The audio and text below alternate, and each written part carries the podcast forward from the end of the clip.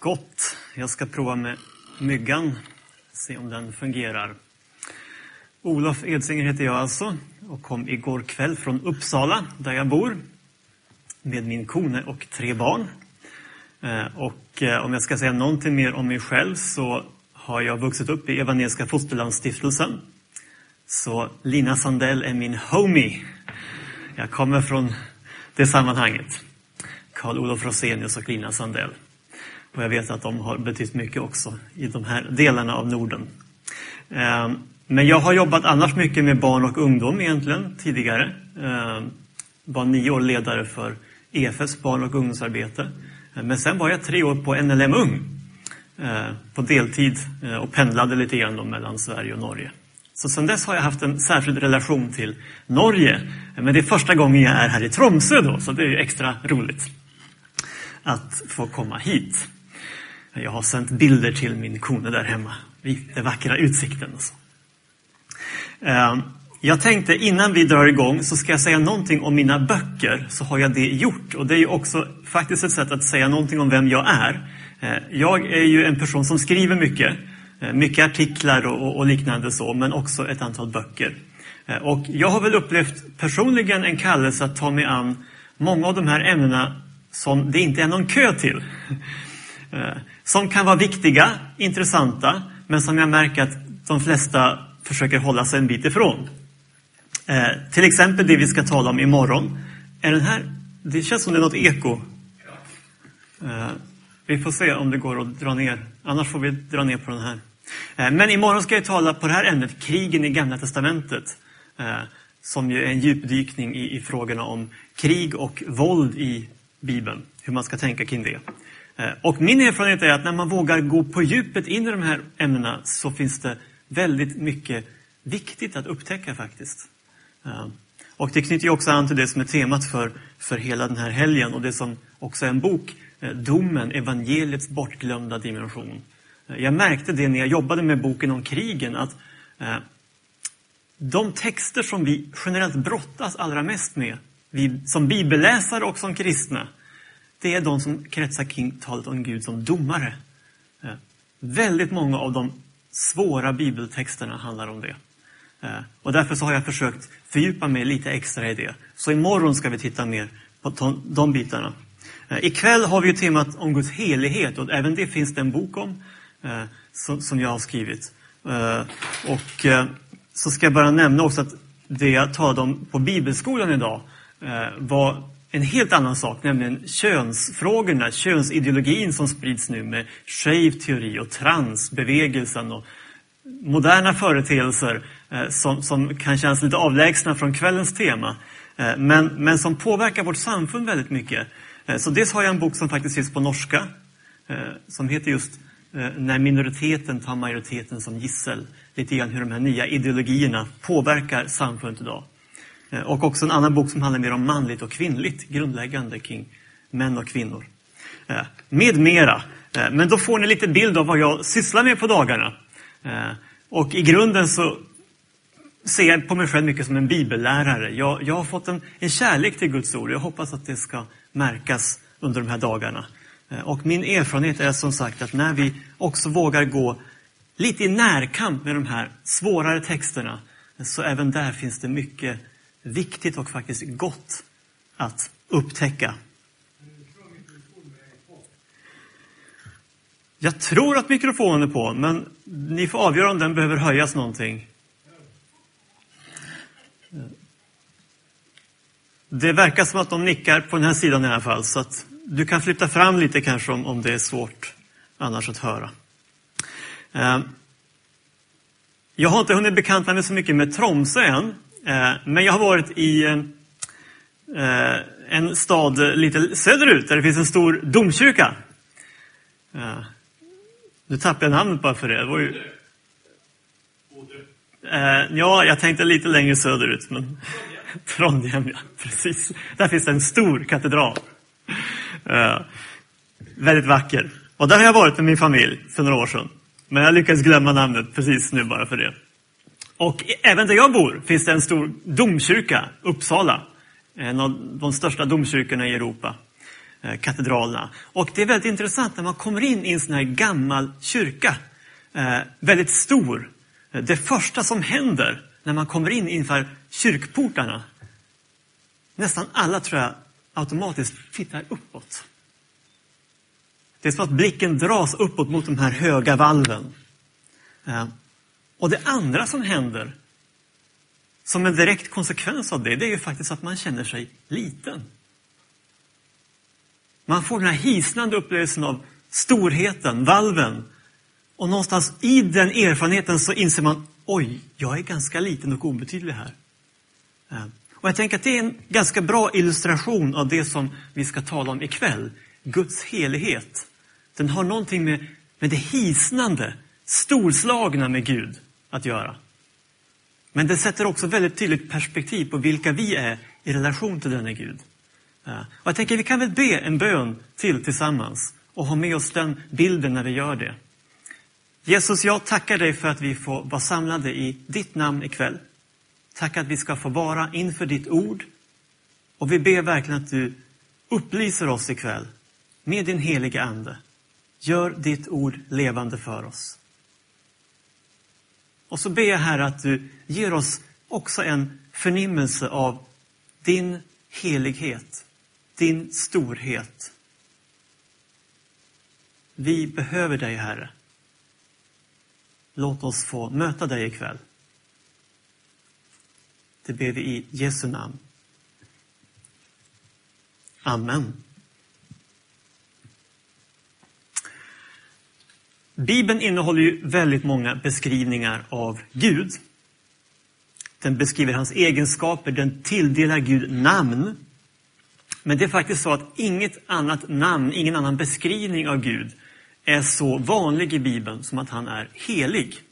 Jag tror att vi behöver påminna oss om det ibland.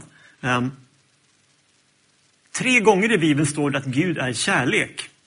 Och det är en fantastisk sanning som vi ofta behöver komma tillbaka till. Men det stämmer till viss eftertanke att det 600 gånger, och lite drygt det, står att Gud är helig. Det är alltså en överlägset mycket vanligare egenskap hos Gud som lyfts fram i Bibeln.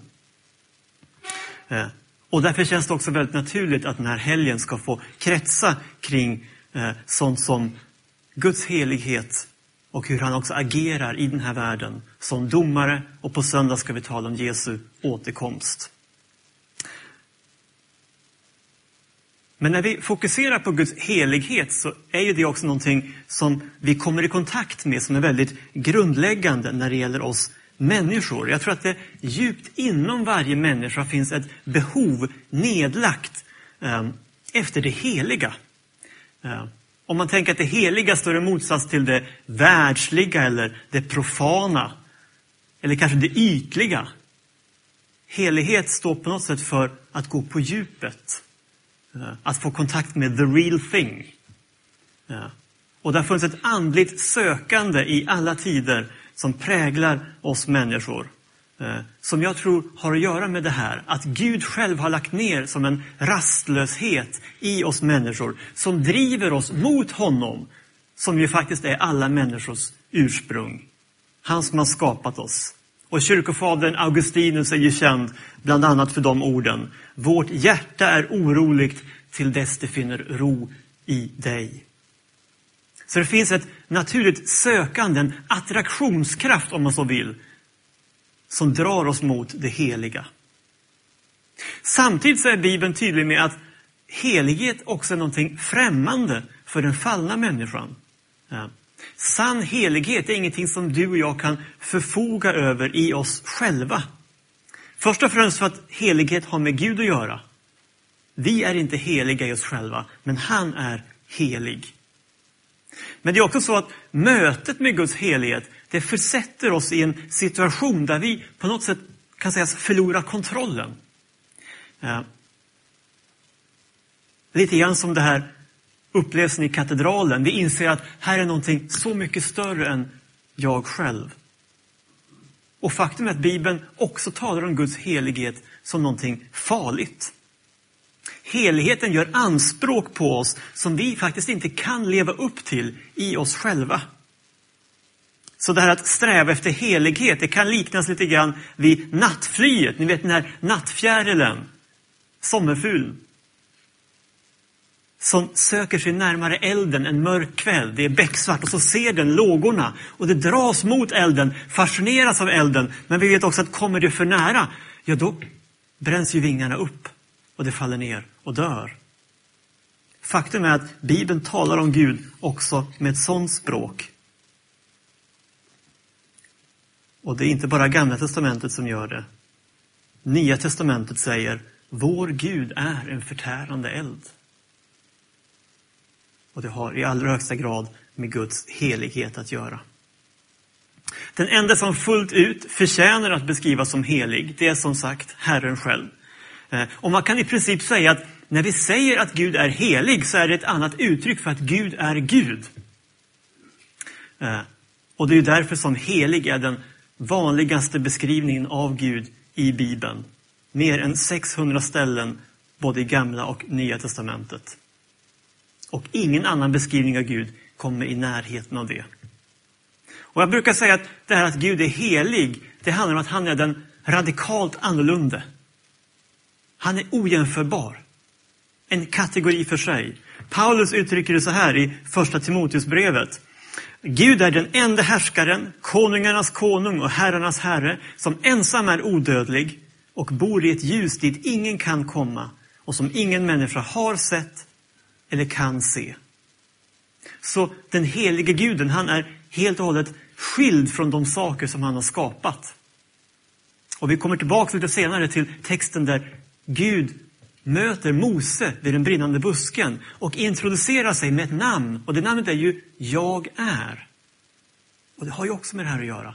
Gud är den enda som är i sig själv. Han behöver inte ha någon bestämning, något extra ord. Han är i sig själv. Oberoende, oavhängig av allt och alla. Men själv alltings ursprung. Det är ett svindlande mysterium. Och det är bara Gud som är helig. Det gör ju i sin tur att Gud är skild från allt i den här världen som är syndigt, allting som är bristfälligt. Och tyvärr hör du och jag också till den kategorin. Även vi är syndare, även vi är bristfälliga. Så här finns en, en inbyggd spänning. Eh, lärjungen Johannes han skriver i sitt första brev Detta är det budskap som vi har hört från honom och som vi förkunnar för er, att Gud är ljus och att inget mörker finns i honom. Det är bara Gud som kan beskrivas på det här sättet. Alla vi andra har skuggor i oss själva, mörker i oss själva. Och kanske är det orsaken till att Bibeln så ofta talar om Guds helighet. För kontrasten mellan Gud, som är alltigenom ljus, och oss människor är stor, allvarlig. Och vi kommer tillbaks även till det. Men det här att Gud är helig innebär faktiskt en annan sak också. Det innebär att Gud eh, alltid i någon mening kan beskrivas som en paradox. En självmotsägelse. Ehm, vi läser i Romarbrevet 11 att Gud är både god och sträng. Inte antingen eller, både och. Både god och sträng. Eh, han är både herre och tjänare, det säger vi ofta i kyrkan. Kanske så ofta att vi glömmer att det egentligen inte går ihop. Man är antingen herre eller tjänare. Det är det normala.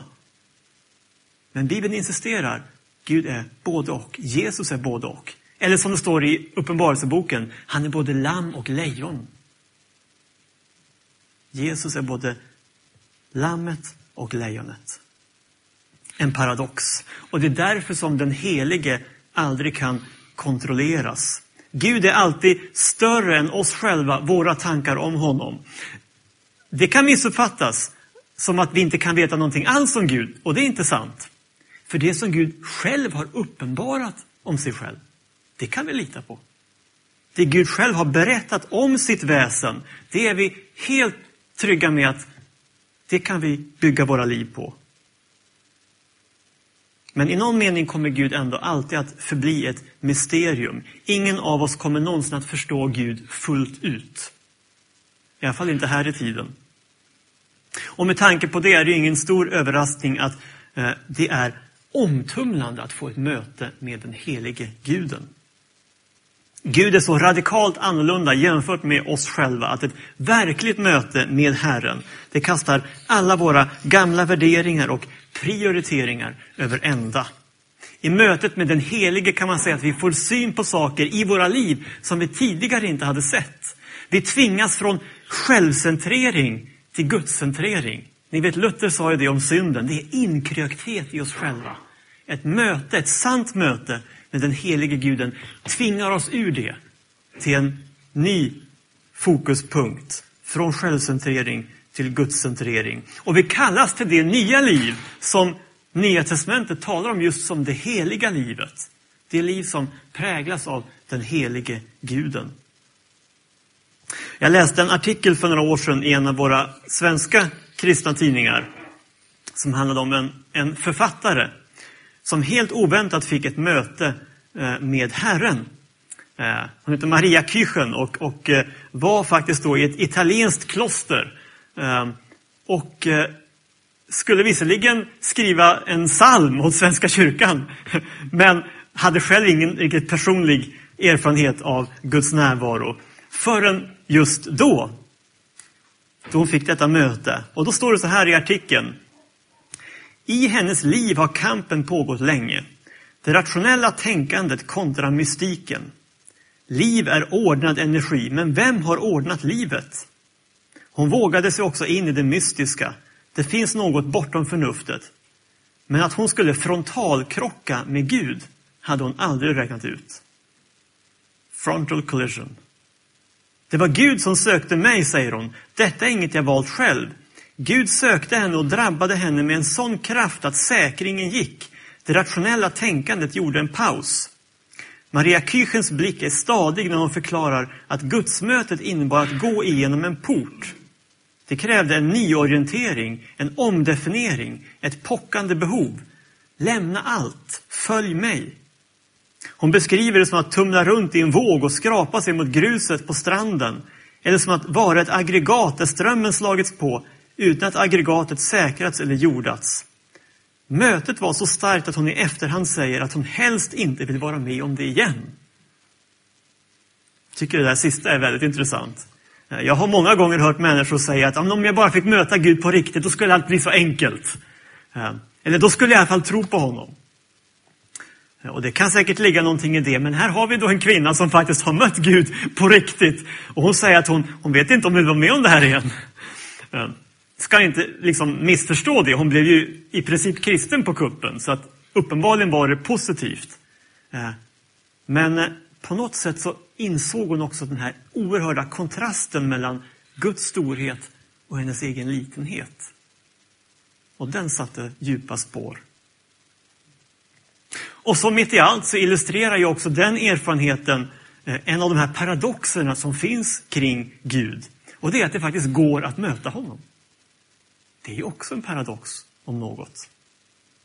Trots att vi mänskligt sett inte borde ha en chans att komma den helige guden nära kan vi gång på gång läsa i Bibeln att han längtar efter fällskap med oss människor. Som det står i Jesaja 57. Så säger den höge och upphöjde, han som tronar till evig tid och heter den helige. Jag bor i det höga och heliga, men också hos den som är förkrossad och har en ödmjuk ande. Det är väl Guds paradox det. Jag bor i det höga och heliga, men också hos den som är förkrossad och har en ödmjuk ande. Och en av de bibelböcker som allra tydligast visar oss på hur det här mötet mellan människan och den helige guden kan se ut, det är Andra Moseboken. Och I kapitel 3 kan vi läsa om hur Mose har sitt första avgörande möte med Herren. Eh, och för mig har det här blivit lite av en sinnebild för hur ett möte med den helige guden kan se ut. Det är en känd text, jag läser de första sex verserna. Mose vallade fåren åt sin svärfar Getro, prästen i Midjan. En gång drev han fåren bortom öknen och kom till Guds berg Horeb. Där uppenbarade sig Herrens ängel för honom i en eldslåga som slog upp ur en buske. Han såg att busken brann av elden utan att busken brann upp. Då tänkte Mose, jag måste gå dit och betrakta den underbara synen och se varför busken inte brinner upp. När Herren såg att han gick för att se efter ropade Gud till honom ur busken. Mose, Mose. Han svarade, här är jag. Då sa Gud, kom inte hit. Ta av dig skorna, till platsen där du står är helig mark. Och han sa, jag är din faders Gud, Abrahams Gud, Isaks Gud och Jakobs Gud. Då dolde Mose ansiktet, ty han bävade för att se på Gud.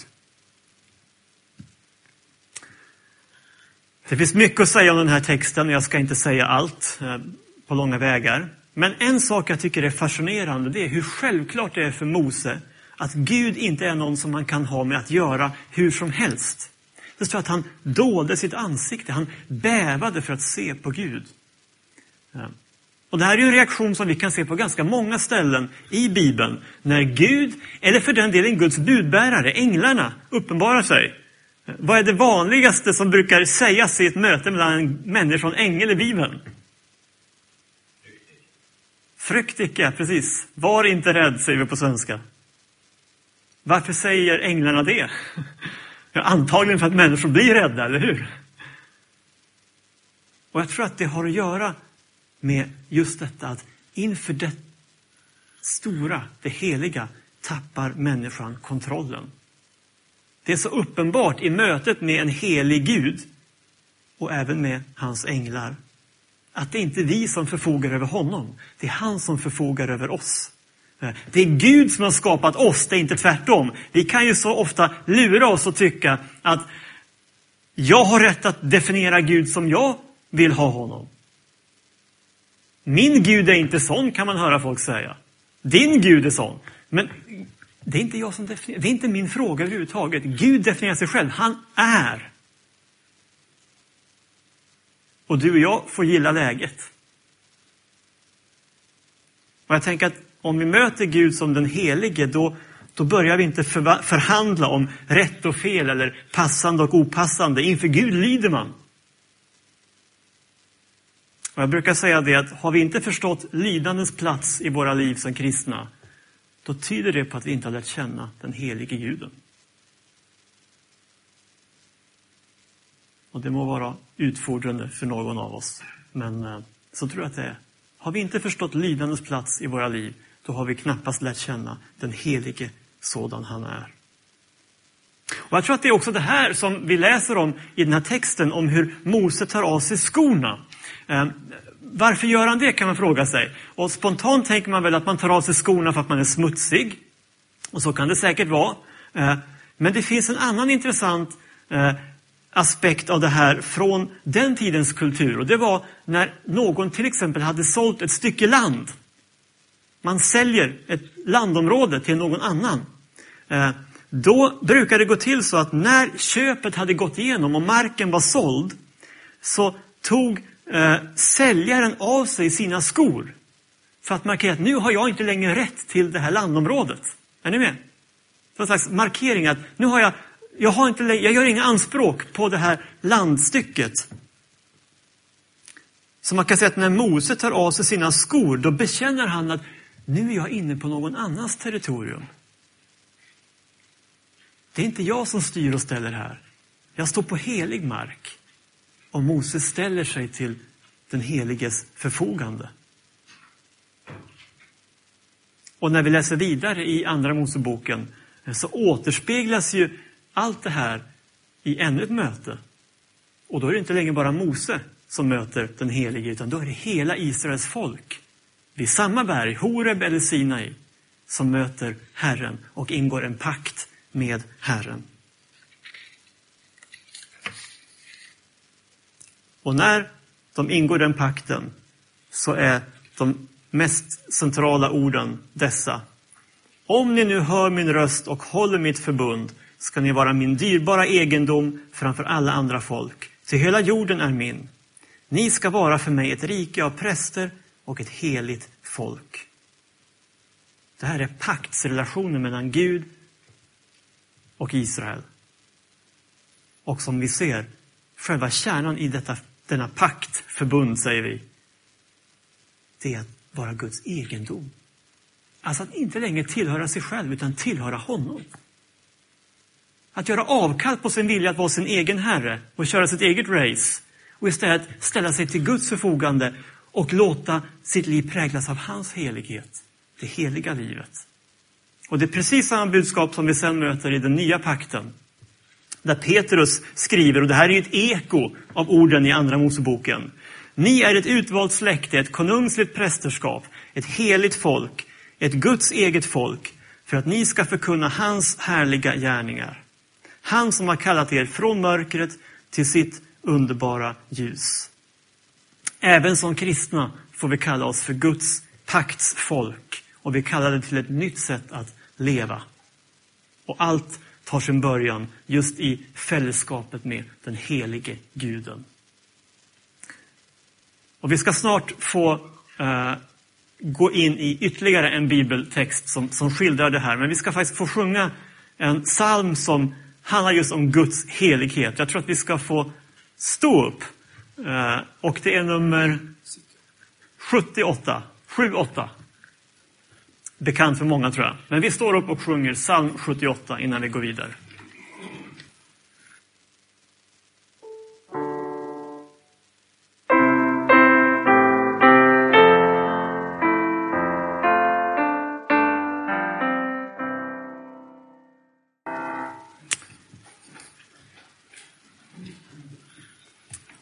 Så är det. Och vi ska också läsa faktiskt en av de texter som ligger till grund för den salmen. Som är en beskrivning just av ett möte mellan den helige guden och en människa. Jesajas sjätte kapitel. I det år då kung Usia dog såg jag Herren sitta på en hög och upphöjd tron och släpet på hans mantel uppfyllde templet. Serafer stod ovanför honom, var och en hade sex vingar. Med två täckte de sina ansikten, med två täckte de sina fötter och med två flög de. Och den ene ropade till den andra, helig, helig, helig är Herren Sebaot. Hela jorden är full av hans härlighet. Rösten från den som ropade fick dörrposterna och trösklarna att skaka och huset blev uppfyllt av rök. Då sa jag, ve mig, jag förgås, ty jag är en man med orena läppar och jag bor ibland ett folk med orena läppar och mina ögon har sett konungen, Herren Sebaot. Då flög en av seraferna fram till mig. I hans hand var ett glödande kol som han med en tång hade tagit från altaret. Med det rörde han vid min mun och sa, när detta har rört vid dina läppar har din missgärning tagits ifrån dig och din synd är försonad. Och jag hörde Herrens röst. Han sa, vem ska jag sända och vem vill vara vår budbärare? Då sa jag, här är jag, sänd mig. Även detta är en känd och viktig bibeltext. Och för mig har det också blivit någonting av en nyckel till den typ av gudsgemenskap som man brukar beskriva med ordet gudsfruktan. Gudsfruktan. Eh, det är ett ord som vi inte använder lika ofta i dagens kristna kyrka, i alla fall inte där jag kommer ifrån. Men jag tror att det är ett viktigt ord för de som vill ha med den helige guden att göra. Eh, om vi börjar med första halvan av berättelsen så är det ingen tvekan om att Gud uppenbarar sig här som den helige. Det är ju till och med det som seraferna, änglarna, eh, ropar. De sjunger faktiskt inte, de ropar runt Guds tron. Helig, helig, helig. Och Jesaja han ropar ju också, ve mig, jag förgås. Det är hans spontana reaktion. Och det är en väldigt naturlig reaktion. Vi har redan sett det att, att Gud är fullkomlig, att han är helt igenom ren. Och i mötet med Gud kan man ju säga att Jesaja överväldigas av sin brist på helighet, sin synd. Och det är en reaktion som vi känner igen också från andra gudsmöten i Bibeln. När Mose ber om att få se Guds härlighet, ja då svarar Gud, ingen människa kan se mig och leva. Och precis samma budskap möter vi i Nya Testamentet. Det är fruktansvärt att falla i den levande Gudens händer. Här är Bibeln konsekvent och tydlig. Men det fantastiska är ju att Gud inte bara kommer till oss människor och definitivt inte till Jesaja bara för att visa sin vrede över synden. Han kommer också för att visa sin kärlek och sin vilja att förlåta, att tillge. Så när Jesaja överväldigas av sin egen syndfullhet så står det att den här ängeln, serafen, tar ett glödande kol från altaret och säger att när detta har rört i dina läppar, ja då har din missgärning tagits ifrån dig och din synd är försonad. Om man läser vidare i Jesajas bok så ser man att den här erfarenheten den ligger till grund för hela resten av, av boken. Jesaja är märkt för livet. Eh, för han har mött den helige guden eh, och när han upptäcker att Gud är villig att förlåta honom, tillge honom, trots den synd som så uppenbart finns hos honom, ja då är han beredd att ändra hela sin livsinriktning. Här är jag, ropar han. Sänd mig. Han har förvandlats av detta möte. Han ställer sig till Guds förfogande. Precis som Mose, precis som hela folket gjorde vid Sinai. Och jag tycker det är en oerhört fascinerande respons. För den visar att man kan möta Guds helighet. Man kan också bli påmind om sin egen synd utan att behöva springa därifrån i rädsla, frykt. Vi vet nog alla att det finns många människor som har gjort det. Och många människor som är rädda för Gud. Antingen för att man inte litar på honom, stoler på honom. Eh, man kanske tänker att han är nyckfull, opolitlig. Eller så har man faktiskt mött någonting av Guds helighet och blivit skrämda för man har upptäckt att Gud faktiskt stöter bort det som är synd i mitt liv. Men så har man tagit konsekvensen av det att man istället har gått bort ifrån honom. Just för att man kände på sig att här är det någonting som skaver. Här finns det ett problem. Kanske finns det också här ikväll som har en sån erfarenhet. Men då ska vi se på Jesajas reaktion. För han möter den helige guden, det är ingen tvekan om det. Han blir också påmind om sin synd. Men han får också upptäcka någonting mer och det är nådens mysterium. Att Gud är en förlåtande, en tillgivande Gud. För det är först när ängeln kommer för att rena honom från synden som bilden är komplett. Att Gud är helig och han är också nådig. Jesus är lejonet av Juda som ryter över den här världens synd och ondska och han gör det med rätta. Men han är också offerlammet som i sin kropp bär all vår synd. Och det är så fascinerande att det här kolet som ängeln hämtar från offeraltaret, eh, det är ju platsen där man förrättade de dagliga offren i templet. Och på samma sätt så är det när du och jag får del av Jesu offer som vi faktiskt kan möta Gud som den nådige. Det är bara genom Jesu offer, hans död och hans uppståndelse för vår skull, som vi kan få en rätt ställning inför Gud. Så att vi kan umgås med honom utan att förgås, utan att gå under. Hebreerbrevet uttrycker det så här. I kraft av Jesu blod, alltså Jesu offer, kan vi nu frimodigt gå in i det allra heligaste på den nya och levande väg som han har öppnat för oss genom förlåten. Och kontentan av det här tänker jag, det är att det är först när du och jag har mött den helige guden som vi faktiskt kan förstå varför han inte bara kan se mellan fingrarna med vår synd. Ni vet den här upplysningsfilosofen Voltaire, han sa det någon gång. Vadå, det är ju Guds yrke att förlåta. Det är hans jobb liksom. No big deal.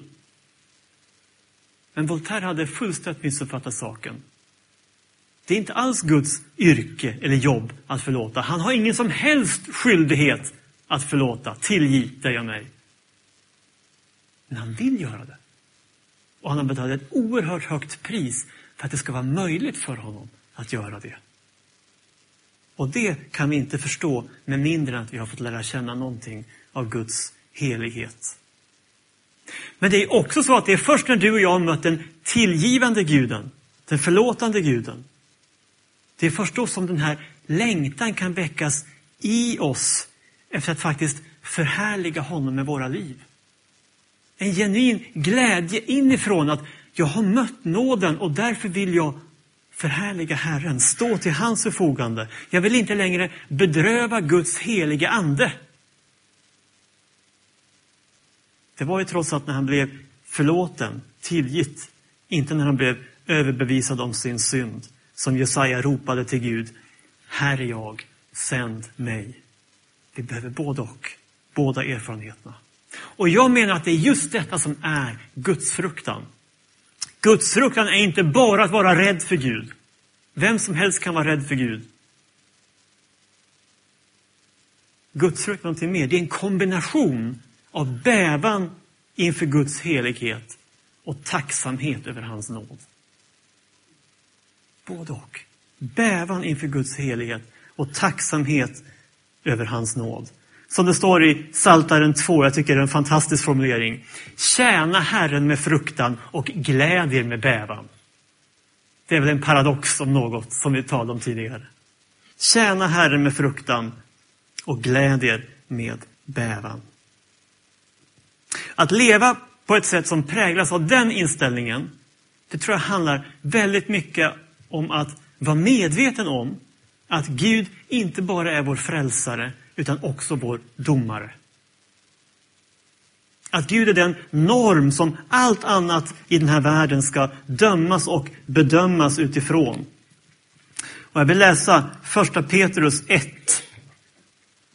Eh, där aposteln skriver så här från vers 13. Spänn därför bältet om livet och var vakna och sätt ert hopp helt och fullt till den nåd som ska komma er till del när Jesus Kristus uppenbaras. Som lydandes barn ska ni inte styras av de begär som ni tidigare levde i när ni ännu var okunniga. Nej, liksom han som har kallat er är helig ska ni föra ett alltigenom helgat liv. Det står skrivet, ni ska vara heliga, ty jag är helig. Om ni ropar fader till honom som opartiskt dömer var och en efter hans gärning, så vandra här i Guds fruktan under er tid som främlingar. Det här är en fantastisk text. Det börjar med nåden. Sätt ert hopp helt och fullt till den nåd som ska komma er till del. Inget tvekan där. Och i nästa andetag så talar Petrus om oss som kristna som Lidandens barn. Det är alltså en synonym för att vara kristen. Är du en kristen är du ett lidandens barn. Du tillhör inte längre dig själv. Du vill leva till din Herres ära. Liksom han är helig ska vi leva heligt. Och så det sista. Om ni ropar fader till honom som opartiskt dömer var och en efter hans gärning, så vandra här i Guds fruktan under er tid som främlingar. Det är paradoxer gång på gång här. Vi ropar fader till honom som ska döma allt levande. Det är otroligt. Hur kan jag få säga pappa till universums domare? Ja, så otroligt är det kristna budskapet. Men det blir bara otroligt, det blir bara fantastiskt när vi låter honom vara både och. Både domare och frälsare. Både lamm och lejon. Både helig och barmhärtig. Och det är bara då som det här kan förvandla våra liv i grunden. Att leva i Guds fruktan, det är att leva så att jag hela tiden har Guds helighet, Guds normer för ögonen. Att jag låter mitt sätt att tänka och tala och handla präglas av den kunskap jag faktiskt har om Gud. Som det står i Ordspråksboken. Den som fruktar Herren lever rättsinnigt. Den som föraktar honom går krokiga vägar. Det finns en direkt koppling mellan att känna Herren, frukta honom och att leva rättsinnigt. Och jag vill avsluta med tre konkreta konsekvenser som jag menar att gudsfruktan får i våra liv. Och den första konsekvensen är att vi helt enkelt låter Gud vara Gud. Att vi inte försöker reducera honom till något mindre än han faktiskt är. Att vi inte tar lätt på hans ord, utan att vi faktiskt lyder honom. Inte släpar hans namn i smutsen. Och lika självklart, det som är andra sidan av myntet, att när vi trots allt är olydiga, för det är vi alla. Vi syndar alla, mycket oftare än vi borde. Och Gud vet det. Och då önskar han att vi ber om förlåtelse, tillgivelse för det. Det är också Guds fruktan. Gudsfruktan är inte att själv vara fullkomlig, för ingen människa är fullkomlig. Gudsfruktan är att försöka i den heliga Andes kraft leva troget hans ord och när jag misslyckas bekänna det som synd. Det är gudsfruktan. Då låter vi Gud vara Gud. Men den människa som har lärt känna Gud som helig kan inte fortsätta leva som om ingenting hade hänt. Det kan man faktiskt inte. Den andra konsekvensen av gudsfruktan det är att vi bekänner oss till sanningen. Direkt efter att Johannes har talat det här om att Gud är ljus, att inget mörker finns i honom, så kallar han också oss som Guds barn att vandra i ljuset. Och det gäller ju mängder av frågor. Allt ifrån hur vi behandlar våra vänner och arbetskamrater till hur vi hanterar vår sexualitet. Man kan ge tusen exempel. En ständigt aktuell fråga är hur vi hanterar pengar. Ni vet de här kardinalfrestelserna. Pengar, sex och makt. Är vi ärliga när vi fyller i vår deklaration eller tänjer vi på gränserna mer än vi vet att lagen tillåter? Köper vi barnbiljett till våra barn eller barnbarn fast vi vet att de egentligen är för gamla för det? Eller vi går kanske och handlar på mat affären och så får vi växel på en hundralapp när vi egentligen bara lämnade en femtiolapp. Hur vi agerar i sådana situationer säger faktiskt ganska mycket om om vi är präglade av gudsfruktan eller inte. Och jag ber om ursäkt för att jag är så pinsamt vardaglig i exemplen, men jag tror att det är precis där vi behöver låta det här landa. Ehm. För poängen här är att vi gör inte det vi gör för att vi är rädda för att åka dit. Det behövs ingen gudsfruktan för det.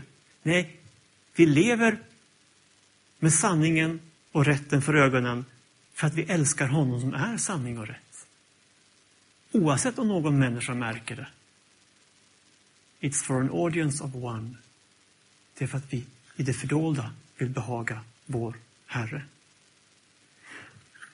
Om ni älskar mig håller ni fast vid mina bud, säger Jesus. Och så säger han så här i nästa kapitel. Liksom Fadern har älskat mig så har jag älskat er. Bli kvar i min kärlek. Om ni håller mina bud förblir ni i min kärlek. Liksom jag har hållit min faders bud och förblir i hans kärlek. Och hör detta. Detta har jag talat till er för att min glädje ska vara i er och för att er glädje ska bli fullkomlig. Det här är inte tänkt som en tung börda. Det är en del av kallet att leva i fällskap med Herren. Och Jesus själv säger att det här är vägen till glädje också i våra liv. Att Gud får vara Gud och att vi får bekänna oss till honom. Och jag ska avsluta med en sista sak. För när vi talar om gudsfruktan, nu såg jag att det heter ärefrykt på, på norska. Eh, men på svenska är det gudsfruktan, då kan man ju sätta det mot ett annat fenomen som är människofruktan. Och det kanske är ett ord som är bekant även för er. Eh, för jag skulle säga att människofruktan är en av våra farligaste fiender som kristna. Människofruktan, det är det som tar över när vi låter människors tankar, förväntningar och krav styra oss mer än Gud och hans vilja. Det är det som får oss att stå tillbaka, trots att Gud kallar oss att agera. Det som får oss att tiga, trots att Gud har kallat oss att tala. Människofruktan, det är det som får oss att anpassa oss till det politiskt korrekta, Trots att Herren har kallat oss att vara hans profeter. Ett konungsligt prästerskap. Människofruktan det är helt enkelt den hållning som gör att du och jag tar djupare intryck av vad vår omgivning tycker och tänker än av vad vi innerst inne vet ligger på Guds hjärta. Och här kommer ännu ett evangelium.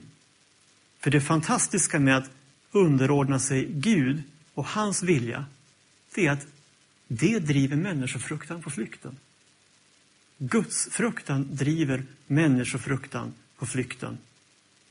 Så om vi bestämmer oss för att ha Herren och ingen annan som vår högsta lojalitet, då kan vi samtidigt lättare säga nej till alla andra makter och ideologier och trender som vill få inflytande över våra liv.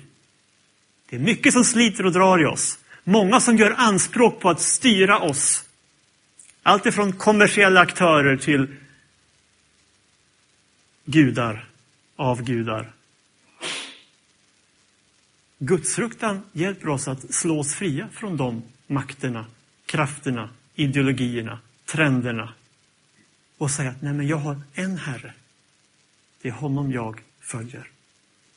Så även här ser vi att gudsfruktan, det är inte bara en utfordring. Gudsfruktan är också och framför allt en väg till befrielse, till frihet. Och än en gång, det är väl därför som Gud har valt att uppenbara sig själv för oss som den helige. Guds helighet, som jag sa, driver oss från självcentrering till gudscentrering. Från kompromissande till hängivenhet. Och faktiskt också från ett ganska förutsägbart liv som handlar om mig och mitt bara, till ett äventyr med Herren, där han får ha ledningen och där han kan föra mig till helt nya saker som jag aldrig hade kunnat drömma om. Och jag läste om Maria Kirchen, jag tänkte avsluta med ett till citat ur intervjun med henne. Det står så här. Hon tar bestämt avstånd från att beskriva gudsmötet som en upplevelse. Det är ingen separat bit av livet, säger hon. Inget man kan isolera till några andliga upplevelser under en helg. Det är nämligen inte själva gudsmötet som är det svåra. Det är vandringen med Gud och det fortsatta livet som är utfordringen. Mötet med Gud innebar det politiskt inkorrekta ordet underkastelse. Fast det hade jag inget problem med, säger hon och ler. Jag tyckte det var en befrielse att slippa vara i centrum.